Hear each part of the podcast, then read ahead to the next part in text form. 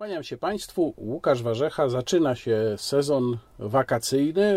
Rząd łaskawie pozwolił nam te wakacje mieć. No, może nie takie, jak były w poprzednich latach, ale jednak wypuścił nas z klatki, więc to też oznacza różne wyjazdy, ale mimo to postaram się dostarczać Państwu zawartości wideoblogowej możliwie regularnie. Być może to będą krótsze filmy, pewnie też kręcone niekoniecznie w tej znanej Państwu doskonale scenerii. Natomiast y, ten będzie trochę o powrotach. Na pewno będzie o dwóch powrotach domniemanych, być może pozornych. Mm, to już y, pozostawiam Państwa ocenie. Chciałbym jak zwykle podziękować wszystkim z Państwa, którzy są tutaj jako oglądający, jako subskrybenci mojego kanału, co polecam a jeszcze bardziej polecam rzecz jasna wsparcie kanału, co można zrobić poprzez e, skorzystanie z przycisku Wesprzyj pod filmem. Zacznę od e, tego, co wydarzy się za kilka dni, a mianowicie wybory lokalne, wybory poniekąd uzupełniające e, w Rzeszowie, wybory prezydenta miasta. Pierwsza sprawa, o której pewnie Państwo nie pamiętają, bo o tym się w ogóle nie mówi, ale ja zawsze o tym mówiłem i przypominałem przy okazji kolejnych wyborów, a szczególnie ma to znaczenie przy okazji takich wyborów poza regularnym cyklem jak te, to jest nieszczęsna kwestia ciszy wyborczej. Bo przecież skoro mamy wybory lokalne, ale wybory lokalne nie w całym kraju, to jest pytanie, jak tu działa cisza wyborcza czy ona działa tylko na tym terenie, którego dotyczą wybory, czy ona może działa w całym kraju. Czy na przykład, gdybym ja na Facebooku agitował za którymś z kandydatów w niedzielę, kiedy te wybory się będą odbywać, to wtedy łamie ciszę wyborczą, czy jej nie łamie.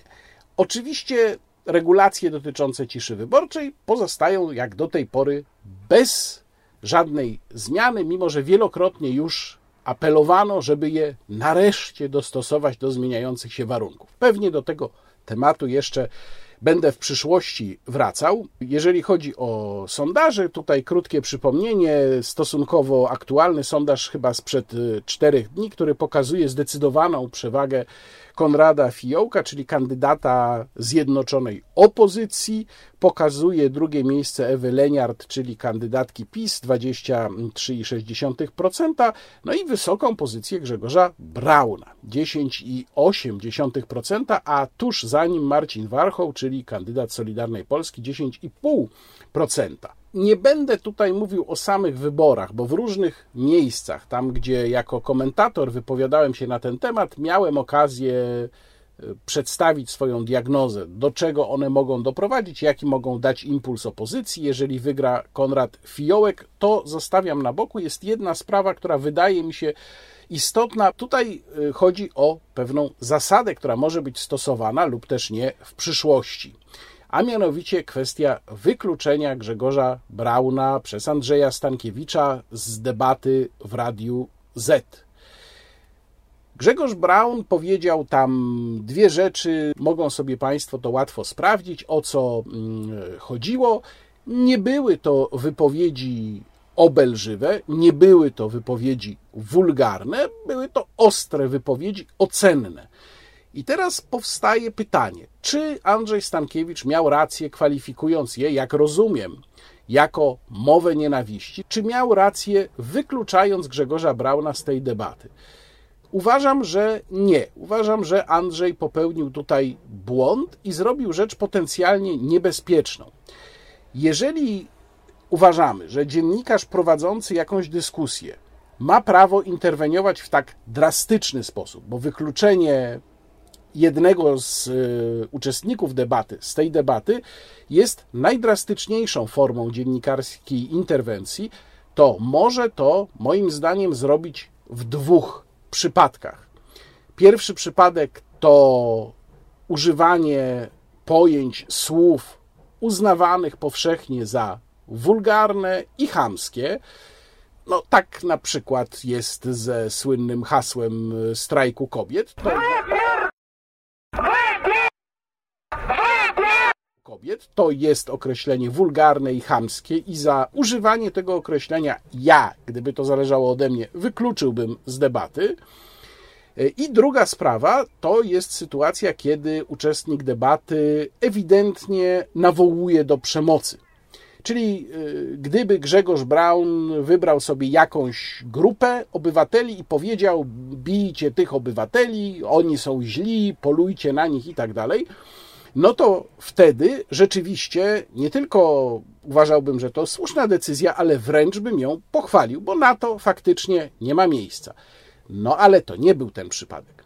Więc tutaj mieliśmy do czynienia z arbitralną oceną prowadzącego, za co daną osobę można wykluczyć z debaty, a za co nie.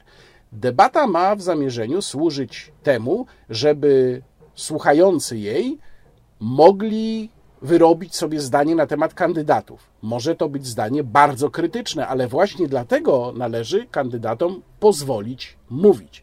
Bo jeżeli uznamy, że dziennikarz ma prawo wykluczyć taką osobę z debaty, dlatego że ona używa jakichś pojęć, które on uważa za nieakceptowalne, ale które są w pełni wyrazem poglądów e, uczestnika tej debaty, bo tak było w tym wypadku z Grzegorzem Braunem, no to tworzymy bardzo niebezpieczny precedens, w którym dziennikarze będą według swojego uznania wykluczali poszczególne osoby z debaty. Dla przykładu, jestem w stanie sobie wyobrazić sytuację, w której w podobnej debacie bierze udział uczestnik z lewicy i uczestnik związany z narodowcami. I uczestnik z lewicy mówi o uczestniku z, związanym z narodowcami jesteście faszystami, chcecie powrotu do najgorszych czasów i najgorszych praktyk z najgorszych czasów. Może tu oczywiście również wymienić, o które czasy mu chodzi.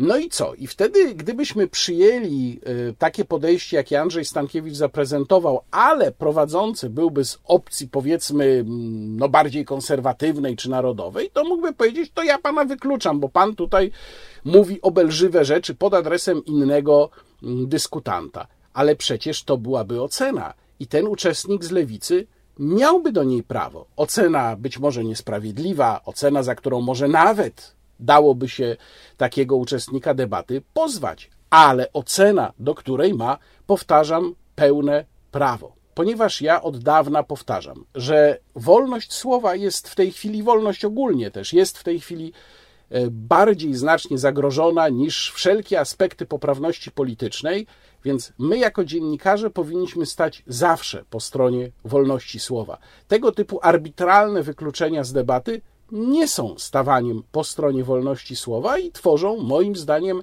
bardzo niebezpieczny precedens, jak we wszystkich w zasadzie podobnych e, sytuacjach, on może się kiedyś odwrócić przeciwko tym, którzy dzisiaj takie postępowanie pochwalają i popierają. Jeżeli zaś chodzi o skutki polityczne, to uważam, że tutaj w niczym to Grzegorzowi Braunowi nie przeszkodziło. Ja bym nawet powiedział, że pomogło, ponieważ Konfederacja pozycjonuje się jako ugrupowanie antysystemowe, trochę przejęli ten wizerunek po Kukizie, który stał się już ostatnio, zwłaszcza systemowcem bez żadnych wątpliwości.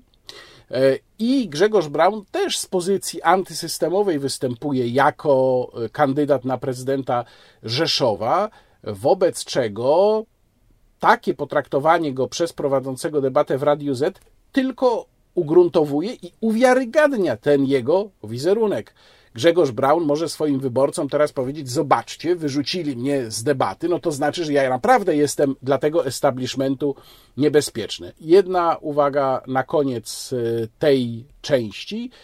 Nie ma tutaj znaczenia, czy to jest rozgłośnia prywatna, medium prywatne, czy publiczne, bo mówimy tutaj o pewnej ogólnej zasadzie, jeżeli uznamy, że ona jest słuszna, to tak samo powinna działać w mediach publicznych i prywatnych. Jeżeli uznajemy, że jest niesłuszna, to nie powinna działać nigdzie.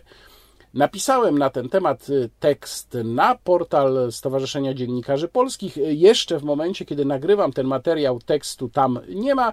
On się pewnie niedługo pojawi. Zachęcam Państwa do zaglądania na stronę sdp.pl y, i tam znajdą Państwo moje felietony, a więc również między innymi ten. A i o jeszcze jednej sprawie związanej z tym incydentem trzeba tutaj wspomnieć, to znaczy o zachowaniu obserwatorów sceny politycznej, bo to jest bardzo ciekawa sprawa. To, że zwolennicy tych partii opozycyjnych, które w Rzeszowie składają się na koalicję popierającą pana Fiołka, albo nie zabrali głosu w tej sprawie, albo uznali, że tak, bardzo słusznie, że Grzegorz Braun został wykluczony, no to mnie nie dziwi, bo to jest konsekwentne. Oni po prostu mają takie poglądy i uważają, że należy ludzi za inne, niesłuszne poglądy, zwłaszcza te, które oni mogą uznać za tak zwaną mowę nienawiści, należy z debaty wykluczać. To przynajmniej trzeba powiedzieć konsekwentnie.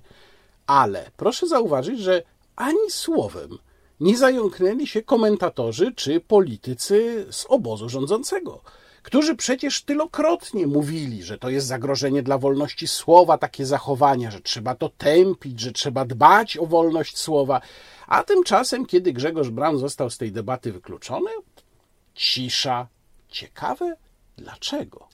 Teraz opowiem Państwu trochę o tym, co narobiło nieco szumu, trochę słusznie, trochę niesłusznie w mediach społecznościowych i wielu z Państwa do mnie o tym pisało. Chodzi mianowicie o mm, założenia do projektu nowej ustawy o broni i amunicji, czy może raczej nowelizacji ustawy o broni i amunicji, które ukazały się w wykazie prac legislacyjnych i programowych Rady Ministrów prace nad tą ustawą toczą się od dawna, toczą się w ukryciu, nikt nie ma do nich dostępu, MSWiA nie chce się tym podzielić. Mm, e, wiceministrem, który patronuje tej sprawie jest pan Maciej Wąsik, bardzo źle oceniany przez środowiska strzeleckie i z powodu swojego braku zainteresowania współpracą z nimi i z powodu niekompetencji.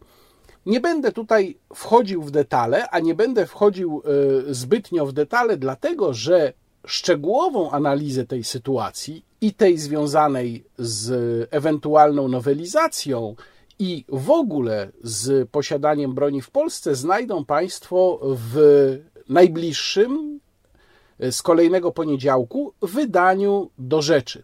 Mój duży tekst na ten temat, do którego odsyłam. Ja tutaj Państwu powiem tylko kilku charakterystycznych e, kwestiach, e, ciekawych, istotnych, po to, żeby zainteresować również tych z Państwa, którzy z bronią nie mają do czynienia, nie zamierzają wchodzić w jej posiadanie, ale to pewnie zainteresuje e, wszystkich, również tych, którzy właśnie takie plany mają.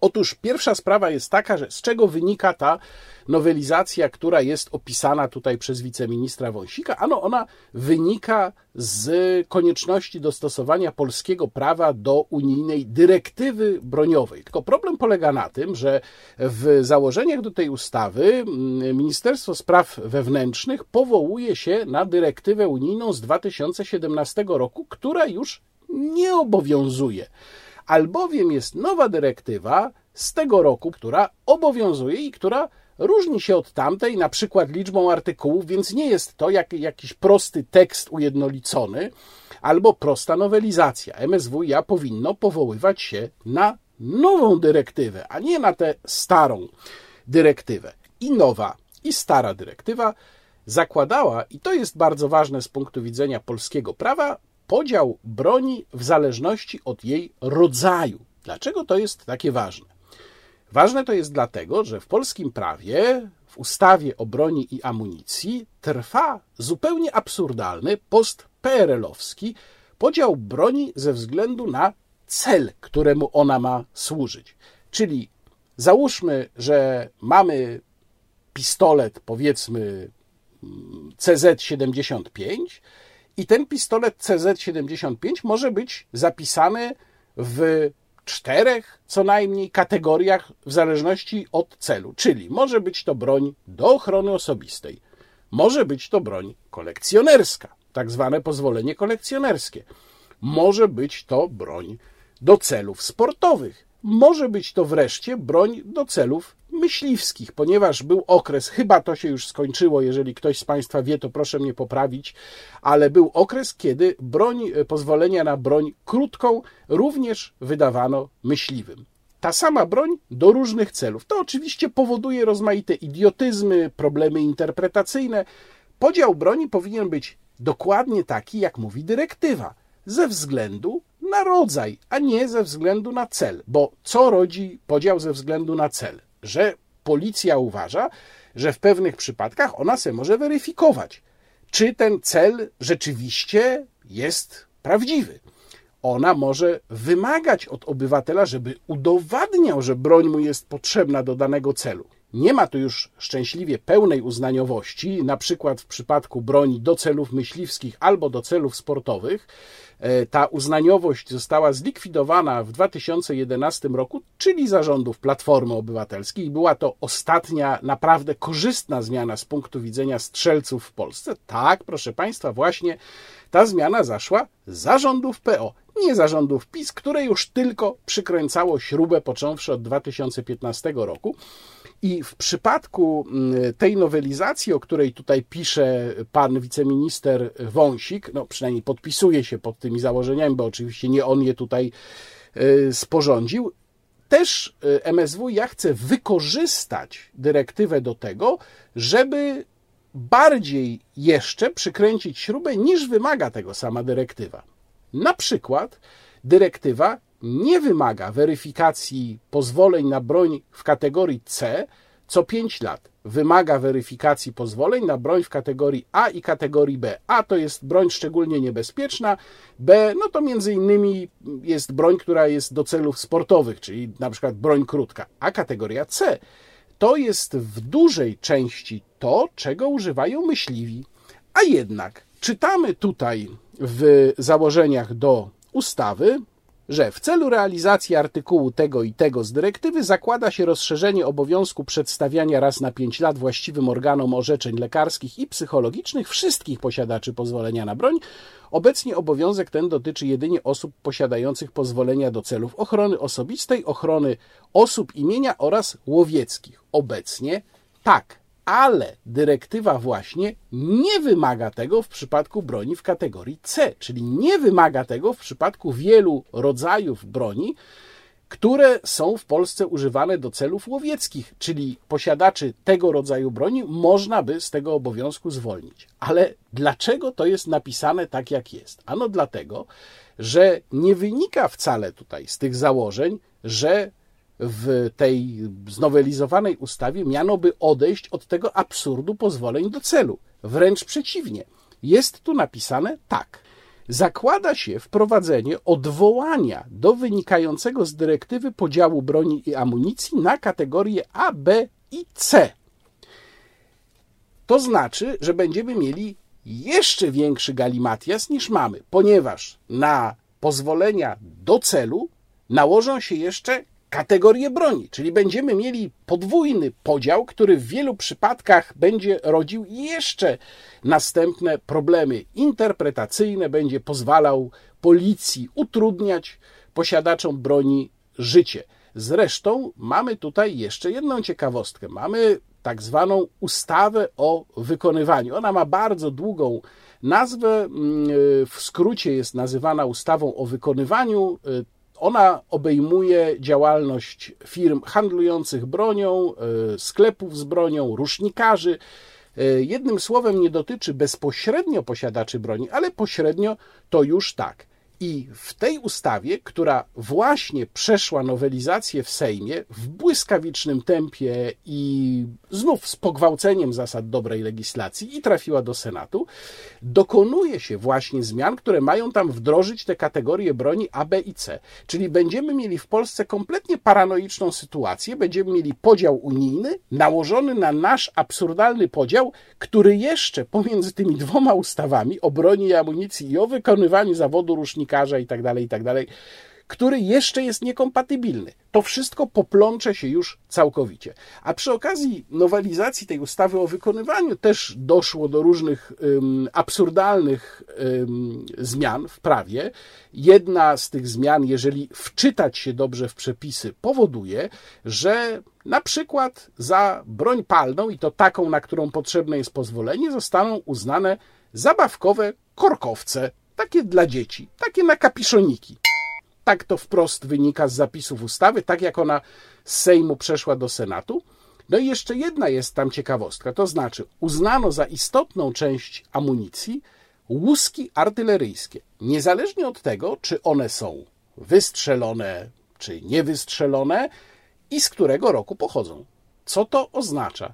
To oznacza, że jeżeli na przykład ktoś udekorował sobie swoją kawiarenkę, ja widziałem takie wystroje mm, kawiarni, kupując wazoniki z łusek artyleryjskich.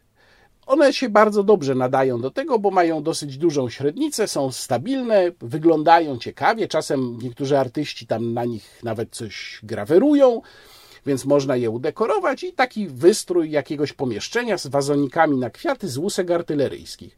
No i jeżeli ta ustawa przejdzie przez parlament w takiej postaci, w jakiej przeszła teraz do Senatu z Sejmu, to do takiej kawiarenki wpada milicja, patrzy i mówi: To jest nielegalne posiadanie amunicji. Do ośmiu lat pozbawienia wolności.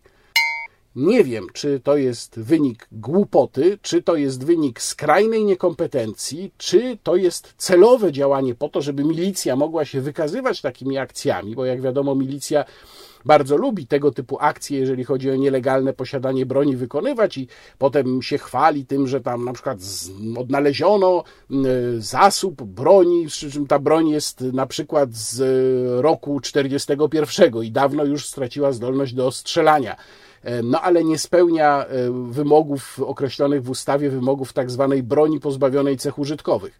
E, albo na przykład, że odnaleziono zasób broni w postaci pistoletów strzelających gumowymi kulkami, które milicja też uznaje za niedozwolone bez pozwolenia. No to już jest w ogóle osobny temat. No w każdym razie z tymi łuskami może też tak być. Miejmy nadzieję, że Senat to poprawi i Sejm potem tych poprawek nie odrzuci, bo jeżeli nie, no to naprawdę e, ci, którzy mają te łuski artyleryjskie u siebie w jakiejkolwiek e, funkcji, to e, powinni je czym prędzej wtedy, nie wiem, może na najbliższą rzekę zanieść i utopić. Trudno mi powiedzieć, co z nimi zrobić, ale na pewno niebezpiecznie będzie je trzymać, bo będzie można pójść za to do więzienia.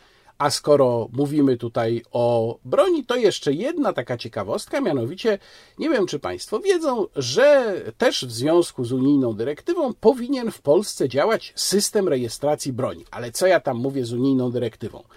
E, wspomniana przeze mnie ustawa o wykonywaniu zakładała, że ten system rejestracji broni w pełni scentralizowany, elektroniczny, będzie działał od e, grudnia 2019 roku.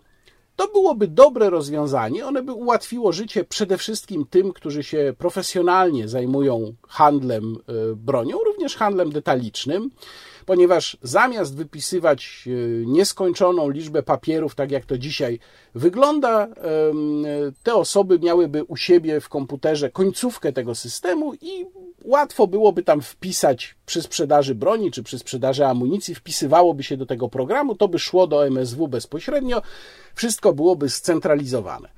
Ale, proszę Państwa, systemu rejestracji broni nie ma. Po prostu nie ma.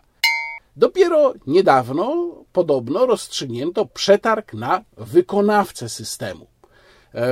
No to gratuluję serdecznie. To jest już grubo ponad rok opóźnienia nie w stosunku do momentu, kiedy ten przetarg powinien się odbyć, w stosunku do momentu, kiedy system powinien zacząć działać. To jest oczywiście jedna z mnóstwa takich spraw, które pokazują, do jakiego stopnia jesteśmy państwem z tektury. Mm, wydaje mi się, tutaj musieliby się wypowiedzieć prawnicy, naj, najlepiej konstytucjonaliści, ale sytuacja, w której minister nie wykonuje zobowiązania wynikającego z ustawy i nie wykonuje go uporczywie przez ponad rok, w tym wypadku jest to minister Kamiński, no chyba podpada pod Trybunał Stanu. W każdym razie jest to rzeczywiście bardzo poważne zaniedbanie.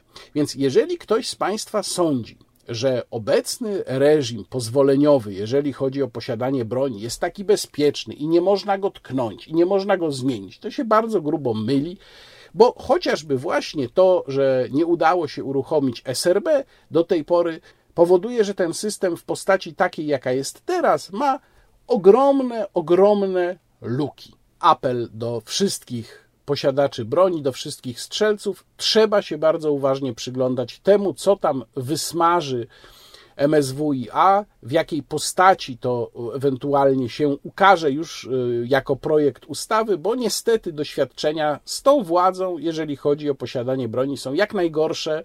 Mieliśmy już sytuacje takie, że tylko rzutem na taśmę udawało się mm, uchronić system przed bardzo niekorzystnymi zmianami, i tutaj obawiam się, że niestety tak samo uważnie trzeba się przyglądać. Następna sprawa, i tu pozwolę sobie zacząć od e, poezji. I od razu mówię, nie jest to moja poezja. Tusk wraca? Nigdy nie wyjechał. Był w powietrzu, którym oddychaliśmy w sobotnie poranki na ekotargu. Był w melodii męskiego grania. Był w letnim deszczu, który orzeźwiał nas na Ranmagedonie. Był refleksem światła w kieliszku z winem z lokalnej winnicy. Tusk wraca? Nigdy nie wyjechał.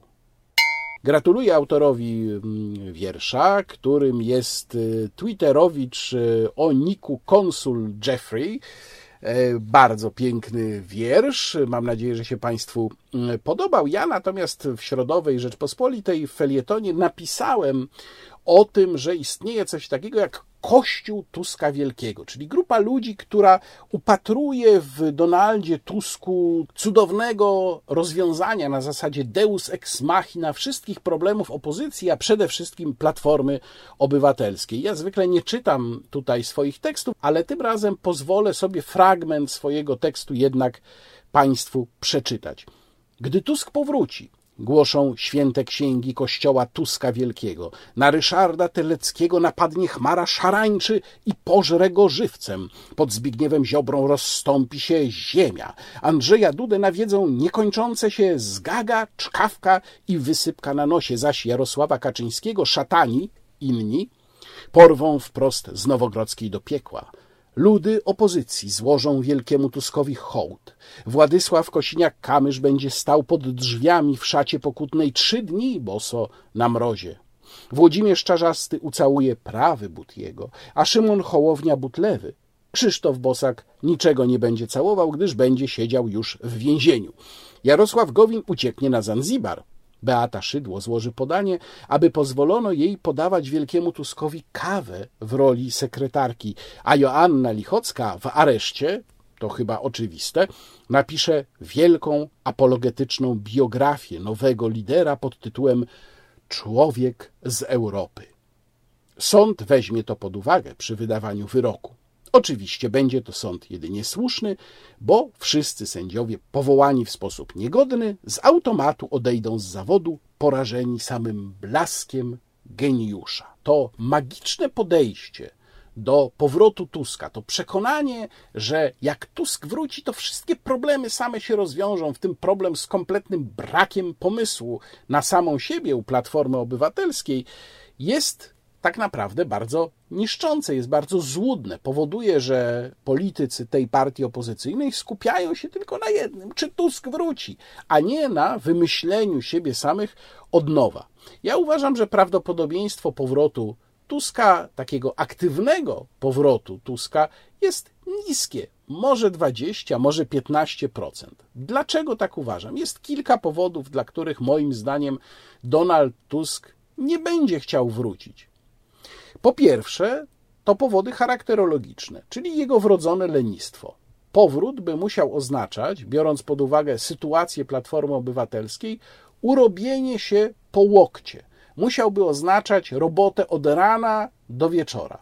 Dlaczego Tusk ma się za to zabierać, mając za sobą dwa poważne stanowiska międzynarodowe, zresztą to drugie, czyli przewodniczący Europejskiej Partii Ludowej, to tam zdaje się jeszcze dobrze ponad rok na tym stanowisku może trwać. Tusk jest człowiekiem wygodnym. Jego środowiskiem jest głęboki fotel, szklaneczka whisky i cygaro. Oczywiście on miał aktywniejsze momenty w swojej karierze, przede wszystkim kiedy był premierem, ale ja uważam, że podjęcie partyjnej, czysto partyjnej roboty teraz przekracza to, co Tusk charakterologicznie jest w stanie na tym etapie swojej kariery zaakceptować. Drugi powód to możliwość przegranej z Jarosławem Kaczyńskim. No bo po co Tusk by wracał? No tylko po to, żeby no, po pierwsze naprawić platformę, ale po drugie, żeby zrobić z niej jakiś użytek. Czy naprawić platformę, czy powołać nowy byt. No w każdym razie, pomijając to, chociaż platforma wciąż ma bardzo mocne podstawy, rządzi w wielu miastach i ma pieniądze, ale pomijając już to, celem byłaby wygrana z Kaczyńskim. Tylko podjęcie takiego wyzwania przez Tuska niosłoby ze sobą oczywiście ryzyko porażki. Czy Tusk podejmie takie ryzyko? Ja mam wątpliwości. Jeżeli w karierze politycznej weszło się na sam szczyt, a w zasadzie to można powiedzieć o Tusku, bo stanowisko przewodniczącego Rady Europejskiej, jakkolwiek symboliczne, było rzeczywiście prestiżowo bardzo wysokie. Stanowisko szefa Europejskiej Partii Ludowej też nie jest tutaj złe. I teraz ryzykować, że po tym wszystkim jednak przegra się z Kaczyńskim, mimo wszystko, moim zdaniem nie za bardzo. Trzeci powód to jest to, o czym już wspominałem przed chwilą kilkakrotnie, czyli kondycja samej Platformy Obywatelskiej. To jest partia w stanie dosyć głębokiego rozkładu, dosyć głębokiego konfliktu i są tam ludzie, którzy nie byliby zachwyceni powrotem Donalda Tuska, dla których powrót Donalda Tuska oznaczałby prawdopodobnie obniżenie ich pozycji, oznaczałby, że Tusk przyprowadza ze sobą swoich ludzi, ludzi, których dawno już być może w platformie nie ma. To wszystko jest ryzyko, bo jeżeli Borys Budka miałby stracić stanowisko przewodniczącego, to jest bardzo możliwe, to dla wielu ambitnych ludzi, zwłaszcza tych młodszych w platformie, to jest jakaś szansa. Przyjazd Tuska nie jest taką szansą, no bo Tusk siłą rzeczy jest człowiekiem ze starego układu w platformie. Więc Tusk musiałby się namęczyć, żeby platformę naprawić, musiałby się też bardzo namęczyć, żeby zdobyć pozycję, która uśmierzy wszelkie odruchy buntu. A to nie jest wcale takie proste. Wreszcie czwarty mm, powód to jest podobna sytuacja, tylko już szerzej, w całej opozycji. Tusk, kiedy wyjeżdżał z Polski w 2014 roku i w zasadzie przez cały czas swojego urzędowania jako przewodniczący Platformy i premier od 2007 roku do 2014, a zatem 7 lat, miał jako szef Platformy pozycję w polityce hegemoniczną. E, Platforma miała po tej stronie sceny politycznej pozycję hegemoniczną, której w tej chwili już nie ma.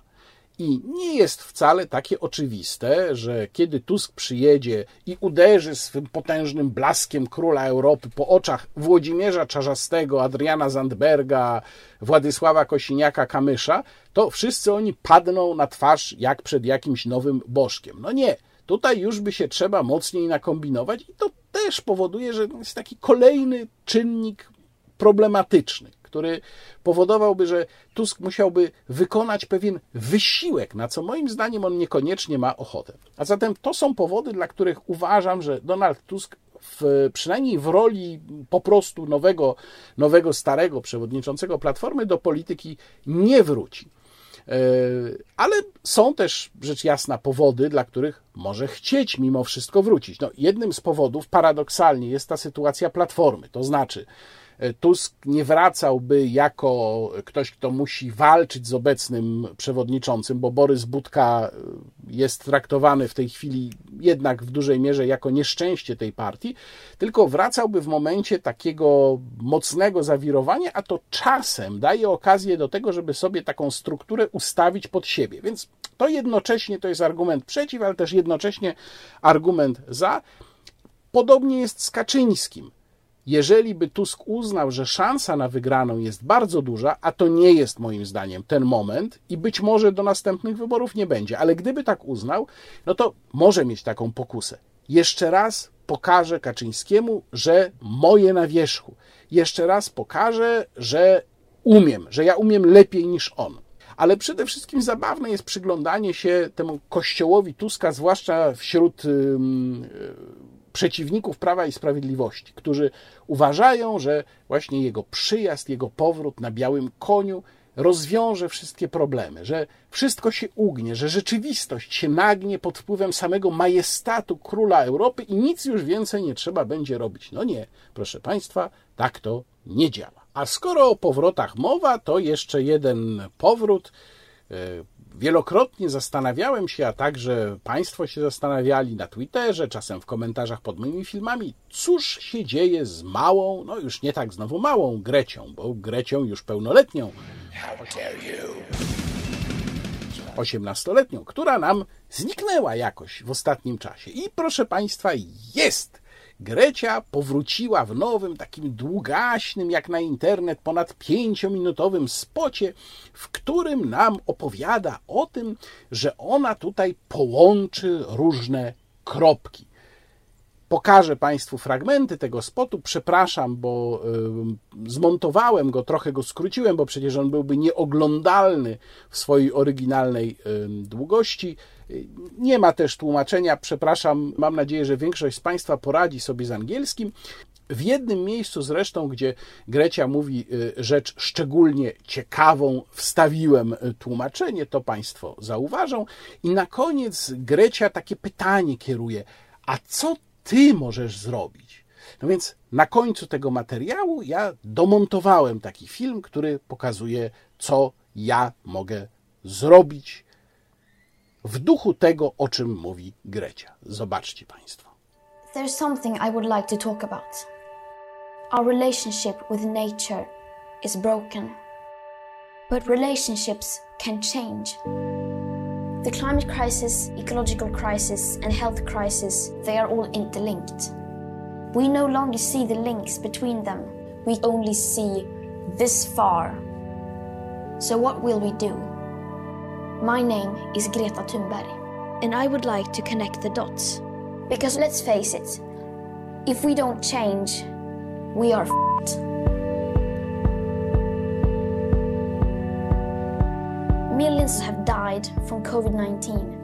Zika, Ebola, West Nile fever, SARS, MERS. Up to 75% of all new diseases come from other animals. Because of the way we farm and treat nature, cutting down forests and destroying habitats, we are creating the perfect conditions for diseases to spill over from one animal to another and to us. 83% of the world's agricultural land is used to feed livestock. Yet, livestock only provide 18% of our calories. The way we make food, raising animals to eat, clearing land to grow food to feed those animals. If we continue, we will run out of land and food. And what about the climate? We know that we need to drastically reduce our emissions starting now.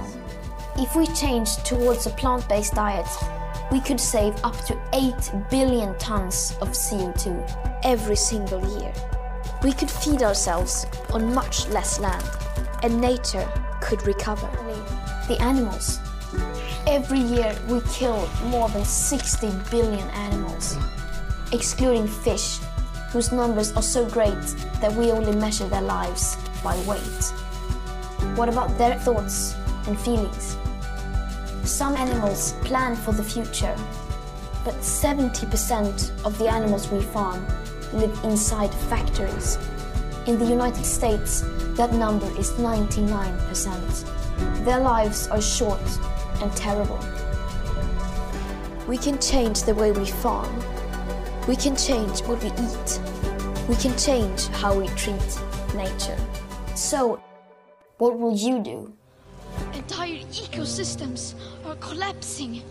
We are in the beginning of a mass extinction, and all you can talk about is money and fairy tales of eternal economic growth. How dare you!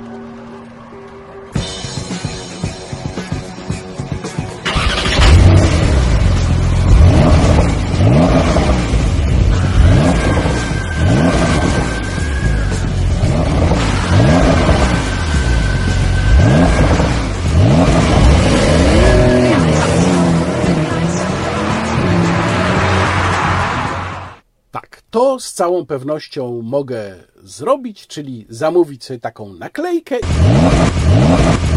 i myśleć ciepło o Greci za każdym razem, kiedy będę odpalał swój samochód.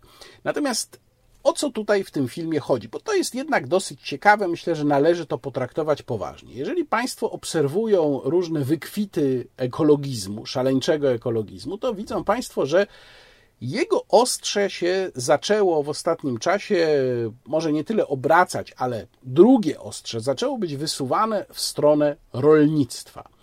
I to jest właśnie głównym przedmiotem tego materiału, bo Grecia tam opowiada, nawiasem mówiąc, mm, panna, która nie skończyła, nawet nie zaczęła studiów, nie skończyła szkoły średniej, jest wielkim autorytetem dla tych, którzy mówią nauka, nauka, słuchajcie nauki. No to jest rzeczywiście wybitna ekspertka. W każdym razie, Grecia tam próbuje stworzyć takie powiązanie pomiędzy jej dotychczasową sferą aktywności, kwestią klimatu, w ogóle natury i kwestią hodowli zwierząt, jeszcze wplatając w to dodatkowo kwestię zdrowia, już kompletnie bez sensu, bo ona tam mówi, że COVID i mnóstwo innych chorób, tam je wymienia, to w 75% choroby pochodzące od zwierząt. Czyli chce niejako na fali przerażenia y, pandemią powiedzieć nam, że jakbyśmy inaczej traktowali naturę, nie zabierali zwierzętom ich naturalnego środowiska i mniej ich hodowali, to by nie było pandemii. No, tylko problem polega na tym, że ostatnie mm, dociekania naukowców, które rozpoczął taki interesujący artykuł Nikolasa e, Wade'a z początku e, maja, który tutaj Państwo widzą, mówią o tym, że najprawdopodobniej wirus jest pochodzenia sztucznego, nie od zwierząt, tylko że faktycznie ma poważne bardzo podstawy ta teza, która przez długi czas była traktowana jako fantastyka albo foliarstwo, bo od razu przecież wiele takich tez jest kwalifikowanych jako foliarstwo, a więc, że ma podstawy rzeczywiste teza, że jest to produkt laboratoryjny, a nie produkt naturalny. Także niestety, Grecia, przykro mi bardzo, ta twoja argumentacja nie trzyma się kupy. Ale tam dalej padają w tym filmie bardziej niebezpieczne stwierdzenia. Jego ogólne przesłanie jest takie, że musimy zmienić swój styl życia, a zmiana tego stylu życia ma polegać między innymi na tym, że przestaniemy hodować zwierzęta albo bardzo, bardzo ograniczymy ich e, hodowlę, bo inaczej nam się skończą zasoby, mówi Grecia. No, to jest też nieprawda, e, ponieważ na przykład OECD ocenia, że w ciągu najbliższej dekady nadprodukcja mięsa, czyli nadwyżka produkcji mięsa nad potrzebami całej ludzkości wyniesie, uwaga, 15 milionów ton. Przy niezmienionym zasobie wykorzystywanym do tej hodowli, po prostu dlatego, że powiększa się wydajność. No, rzecz jasna, to się może stać wtedy, jeżeli na przykład Unia Europejska nie zacznie wprowadzać tych różnych głupot wymyślanych między innymi przez Sylwię Spurek, zakazy hodowli klatkowej na przykład, bardzo niebezpieczny pomysł, który y, uderzyłby potężnie w polskich y, rolników. Ale jeżeli się to nie stanie, to znaczy, jeżeli sztucznie hodowla zwierząt nie zacznie być ograniczana od góry, to żadne wyczerpanie zasobów tutaj nam nie grozi. Grecia gada zwyczajne bzdury. Ale tam jest jeszcze jeden wątek związany ze zwierzętami. To jest ten, gdzie właśnie tu pokazałem Państwu tłumaczenie mm, w czasie tego e, filmu, gdzie Grecia lamentując nad zwierzętami, nad tym, ile my zwierząt zabijamy na swoje potrzeby rocznie, mówi: A co z ich uczuciami i myślami? What about their thoughts and feelings? Czyli to jest już ostre podejście w stronę antropomorfizacji zwierząt, traktowania ich dokładnie na takiej samej zasadzie, jak się traktuje ludzi. Nawiasem mówiąc, ona to mówi bezpośrednio po tym, jak e, mówi o rybach, czyli no to już jest naprawdę ekstremum, czyli sugerowanie, że ryby mają jakieś myśli. W każdym razie, kiedy zobaczyłem ten materiał i zobaczyłem, e, tu już tego ja Państwu nie pokazałem, odmontowałem to, ale zamieszczam link do oryginalnego tweeta, gdzie mogą to Państwo zobaczyć. Nawiasem mówiąc, tweeta na takiej platformie no, bardzo, bardzo postępackiej. Mogą sobie Państwo przejrzeć timeline mm, tego, tego Twitterowicza, tego, tej organizacji. Kiedy zobaczyłem ten materiał, e, pomyślałem, że to jest naprawdę ostre podejście pod walkę z wysoko wydajnym rolnictwem. E, to się robi naprawdę groźne, biorąc pod uwagę, jakie są tendencje w Unii Europejskiej i jakie, jaką siłę oddziaływania mm, mogą mieć osoby pokroju Sylwii Spurek. No i wreszcie jeszcze jeden drobiazg, tam w którymś momencie y, Grecia stwierdza, że wiemy, że musimy radykalnie ograniczyć emisję CO2. No nie, nie wiemy.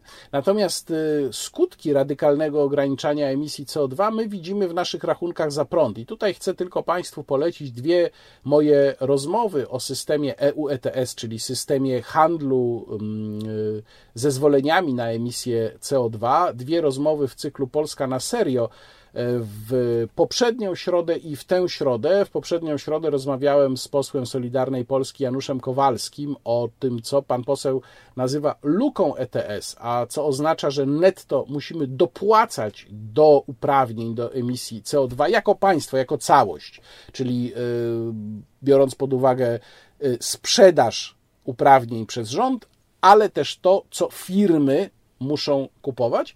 Mm, a z Marcinem Roszkowskim, prezesem Instytutu Jagiellońskiego, rozmawiałem y, też o systemie EU ETS i o tym, jakie on może mieć konsekwencje dla Polski i co z tym można zrobić. Najbardziej niepokojąca w tych rozmowach rzecz, którą y, mówią i pan poseł Kowalski, i Marcin Roszkowski, to jest y, sytuacja samorządowych ciepłowni które są zmuszone do kupowania za ciężkie miliony złotych uprawnień do emisji CO2, co powoduje, że wiele z nich znalazło się na skraju bankructwa. Rząd nie ma na to w tej chwili żadnej odpowiedzi. Y, sezon ciepłowniczy najbliższy już może być bardzo ciężki. Proszę się spodziewać y, podwyżek cen ciepła. Myślę, że to będzie w kolejnych latach, to i ceny prądu to będą w kolejnych latach bardzo gorące tematy polityczne, a y, dla y, małej Greci mam po raz kolejny przesłanie, które już się tutaj wcześniej pojawiło. Od tematu epidemii pewnie wszyscy byśmy chętnie odpoczęli, no ale jednak e, trzeba o tym cały czas wspominać, bo wciąż pojawiają się kolejne informacje i sprawa z punktu widzenia naszego funkcjonowania w Polsce nie została załatwiona. Problem jest e, z programem podawania wiadomej substancji. Rząd nie jest usatysfakcjonowany wynikami, ale weszła, pojawiła się możliwość podawania jej dzieciom. I do tego czynniki rządowe bardzo gorąco zachęcają, więc ja tutaj chciałbym Państwu pokazać, link zamieszczam w opisie, oświadczenie Fundacji Rzecznik Praw Rodziców, oświadczenie przeciw szczepieniu dzieci na COVID-19, w którym czytamy między innymi w świetle wiedzy, którą zdobyliśmy przez ponad rok zmagań z epidemią, wirus nie stanowi zagrożenia dla dzieci. Jak informuje Ministerstwo Zdrowia, dzieci, jeśli zakażą się koronawirusem, na ogół przechodzą przez chorobę bardzo lekko, czasem wręcz bezobjawowo. Natomiast Państwowy Instytut Zdrowia Publicznego na rządowej stronie informuje, nie wiemy jeszcze w jakim stopniu szczepienie zapobiega bezobjawowemu zakażeniu i jego transmisji w populacji, transmisji wirusa. Tym samym nie znajduje uzasadnienia szczepienie dzieci preparatami znajdującymi się w trzeciej fazie badań klinicznych, których średnio i długookresowe bezpieczeństwo nie zostało ustalone. Narażanie zdrowia najmłodszych w imię potencjalnej i niepewnej ochrony starszego pokolenia jest sprzeczne z naturą, zdrowym rozsądkiem i etyką to starsze pokolenie powinno chronić młodsze, tak jak było zawsze w historii nie tylko naszego gatunku. Całe oświadczenie pod linkiem, zwłaszcza te ostatnie słowa wydają mi się celne. Tu wracam do tematu, który już kilka miesięcy temu poruszałem na wideoblogu. Kiedy to cytowałem e, grupę francuskich filozofów o bardzo różnych poglądach politycznych, którzy wskazywali dokładnie na to, że nastąpiło odwrócenie hierarchii, że wbrew temu, co w Polsce wiele osób próbuje przedstawiać jako taką dbałość właśnie o najsłabszych, to jest to odwrócenie hierarchii, w której zawsze chroniło się najmłodszych po to, żeby to młode pokolenie e, poniosło nasze wartości gdzieś dalej w świat, żeby uchronić młode pokolenie, a nie odwrotnie. I tutaj mamy zwrócenie uwagi w tym oświadczeniu właśnie na to. Tu chciałbym podkreślić, o czym zresztą mówiłem już wielokrotnie, że e, ja uważam kwestię przyjęcia lub nieprzyjęcia wiadomej substancji za sprawę czysto prywatną. Każdy podejmuje te decyzje we własnym imieniu, każdy powinien sobie to sam przekalkulować i to również dotyczy dzieci. Rodzice są odpowiedzialni za dzieci. Jeżeli uważają, że warto dziecku substancję podać, jest to ich wybór. Ja nie będę ich za to krytykował, tak jak nie krytykuję nikogo za to, że zdecydował się przyjąć albo że zdecydował się nie przyjąć. Natomiast chciałbym Państwu zwrócić uwagę na interesujący sondaż. To jest chyba najnowszy sondaż, jaki znalazłem, mm, e, wykonany między innymi dla dziennika Gazety Prawnej. I on dotyczy właśnie mm, przyjęcia czy podania substancji dzieciom. I otóż wynika z niego, że Gdyby była taka możliwość, czy podałbyś substancję własnym dzieciom? Było takie pytanie. I odpowiedzi były takie. Zdecydowanie tak, to aż 42%. Raczej tak 26,7%. Raczej nie 9% i zdecydowanie nie 13,7, 8,6 niezdecydowane, czyli jak Państwo widzą, jednak e, w tym sondażu bardzo wyraźna większość e, byłaby na tak. Ale jest tu jedna ciekawostka. Jeżeli zobaczymy, jeżeli rozbijemy to na grupy ludzi, którzy mają dzieci i nie mają dzieci, to tutaj wygląda to trochę inaczej. Nie radykalnie, ale trochę inaczej, bo w grupie posiadającej dzieci od 3 do 18 lat na zdecydowanie na tak jest aż 44%, czyli więcej nawet niż w tej całości, i raczej tak 29%. Na e, raczej nie 7% i zdecydowanie nie 12%. Czyli w sumie w tej grupie nieposiadającej dzieci na tak jest 73%, a na nie 19%. Ale w grupie posiadającej dzieci, no nie ma już takiego entuzjazmu, bo zdecydowanie na tak jest 30%, przypominam w grupie nieposiadającej dzieci 44, czyli o 14 punktów mniej. Raczej tak 24%, w tej poprzedniej grupie było to 29, czyli o 5% mniej. Raczej nie 15 i zdecydowanie nie 20. Czyli jeżeli ma się dziecko, to się już inaczej na tę sprawę patrzy. To jeszcze spójrzmy całościowo.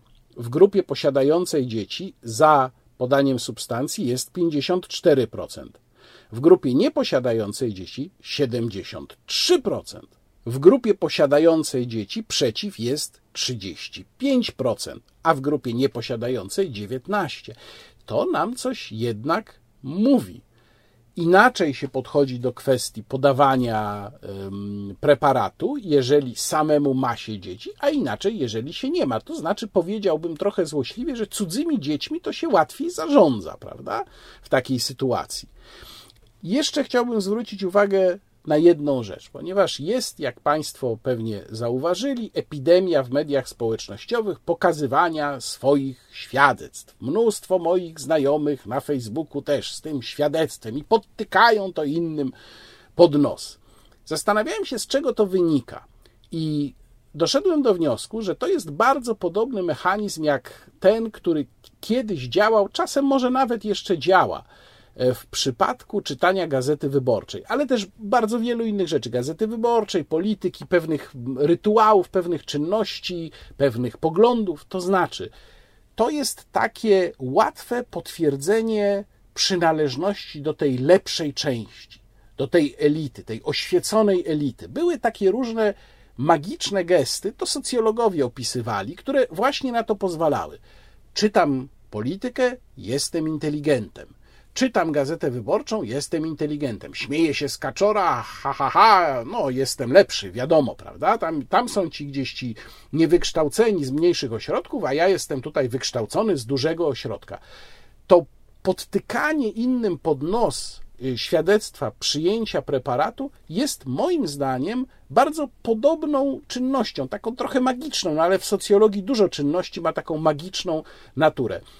Czekam na to, aż socjologowie zabiorą się na poważnie za mechanizmy, które rządziły nami i rządzą nami nadal w trakcie pandemii, bo tutaj można by poczynić naprawdę mnóstwo bardzo interesujących obserwacji. Na sam koniec, w króciutka wzmianka kulturalna. Mówiłem Państwu o tym, że festiwal Muzyka Divina organizowany przez fundację, krakowską fundację Incanto nie otrzymał z Ministerstwa Kultury, Dziedzictwa Narodowego i Sportu pieniędzy na ten festiwal i festiwal w związku z tym był zagrożony.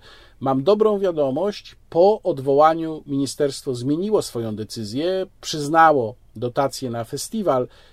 Czy ona zaspokaja potrzeby festiwalowe? No pewnie nie, dlatego też namawiam Państwa cały czas do wspierania festiwalu. Można to zrobić poprzez e, serwis społecznościowy, e, serwis zrzutkowy, do którego link e, wrzucam w opisie filmu.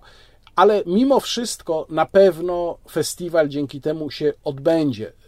Fundacja da radę go zorganizować. Ja tutaj muszę się pochwalić, że w książce festiwalowej, a trzeba tu wiedzieć, że przy okazji festiwalu Muzyka Divina książki festiwalowe były zawsze bardzo pięknie wydane i były bardzo interesujące, pełne niezwykle ciekawych, bardzo kompetentnie napisanych tekstów, że w tej książce, tegorocznej książce festiwalowej, na prośbę organizatorów, znajdzie się również mój skromny tekst napisany z pozycji laika, tekst o tym, jak zacząłem słuchać muzyki dawnej i co moim zdaniem spowodowało, że byłem w stanie się nią zainteresować, że muzyka dawna mnie wciągnęła, że miałem wystarczająco dużą wrażliwość muzyczną, żeby mnie od razu nie odrzuciła, bo przecież i tak mogłoby się stać. Być może te moje refleksje dla Państwa, którzy będą na festiwalu, którzy kupią książkę festiwalową, będą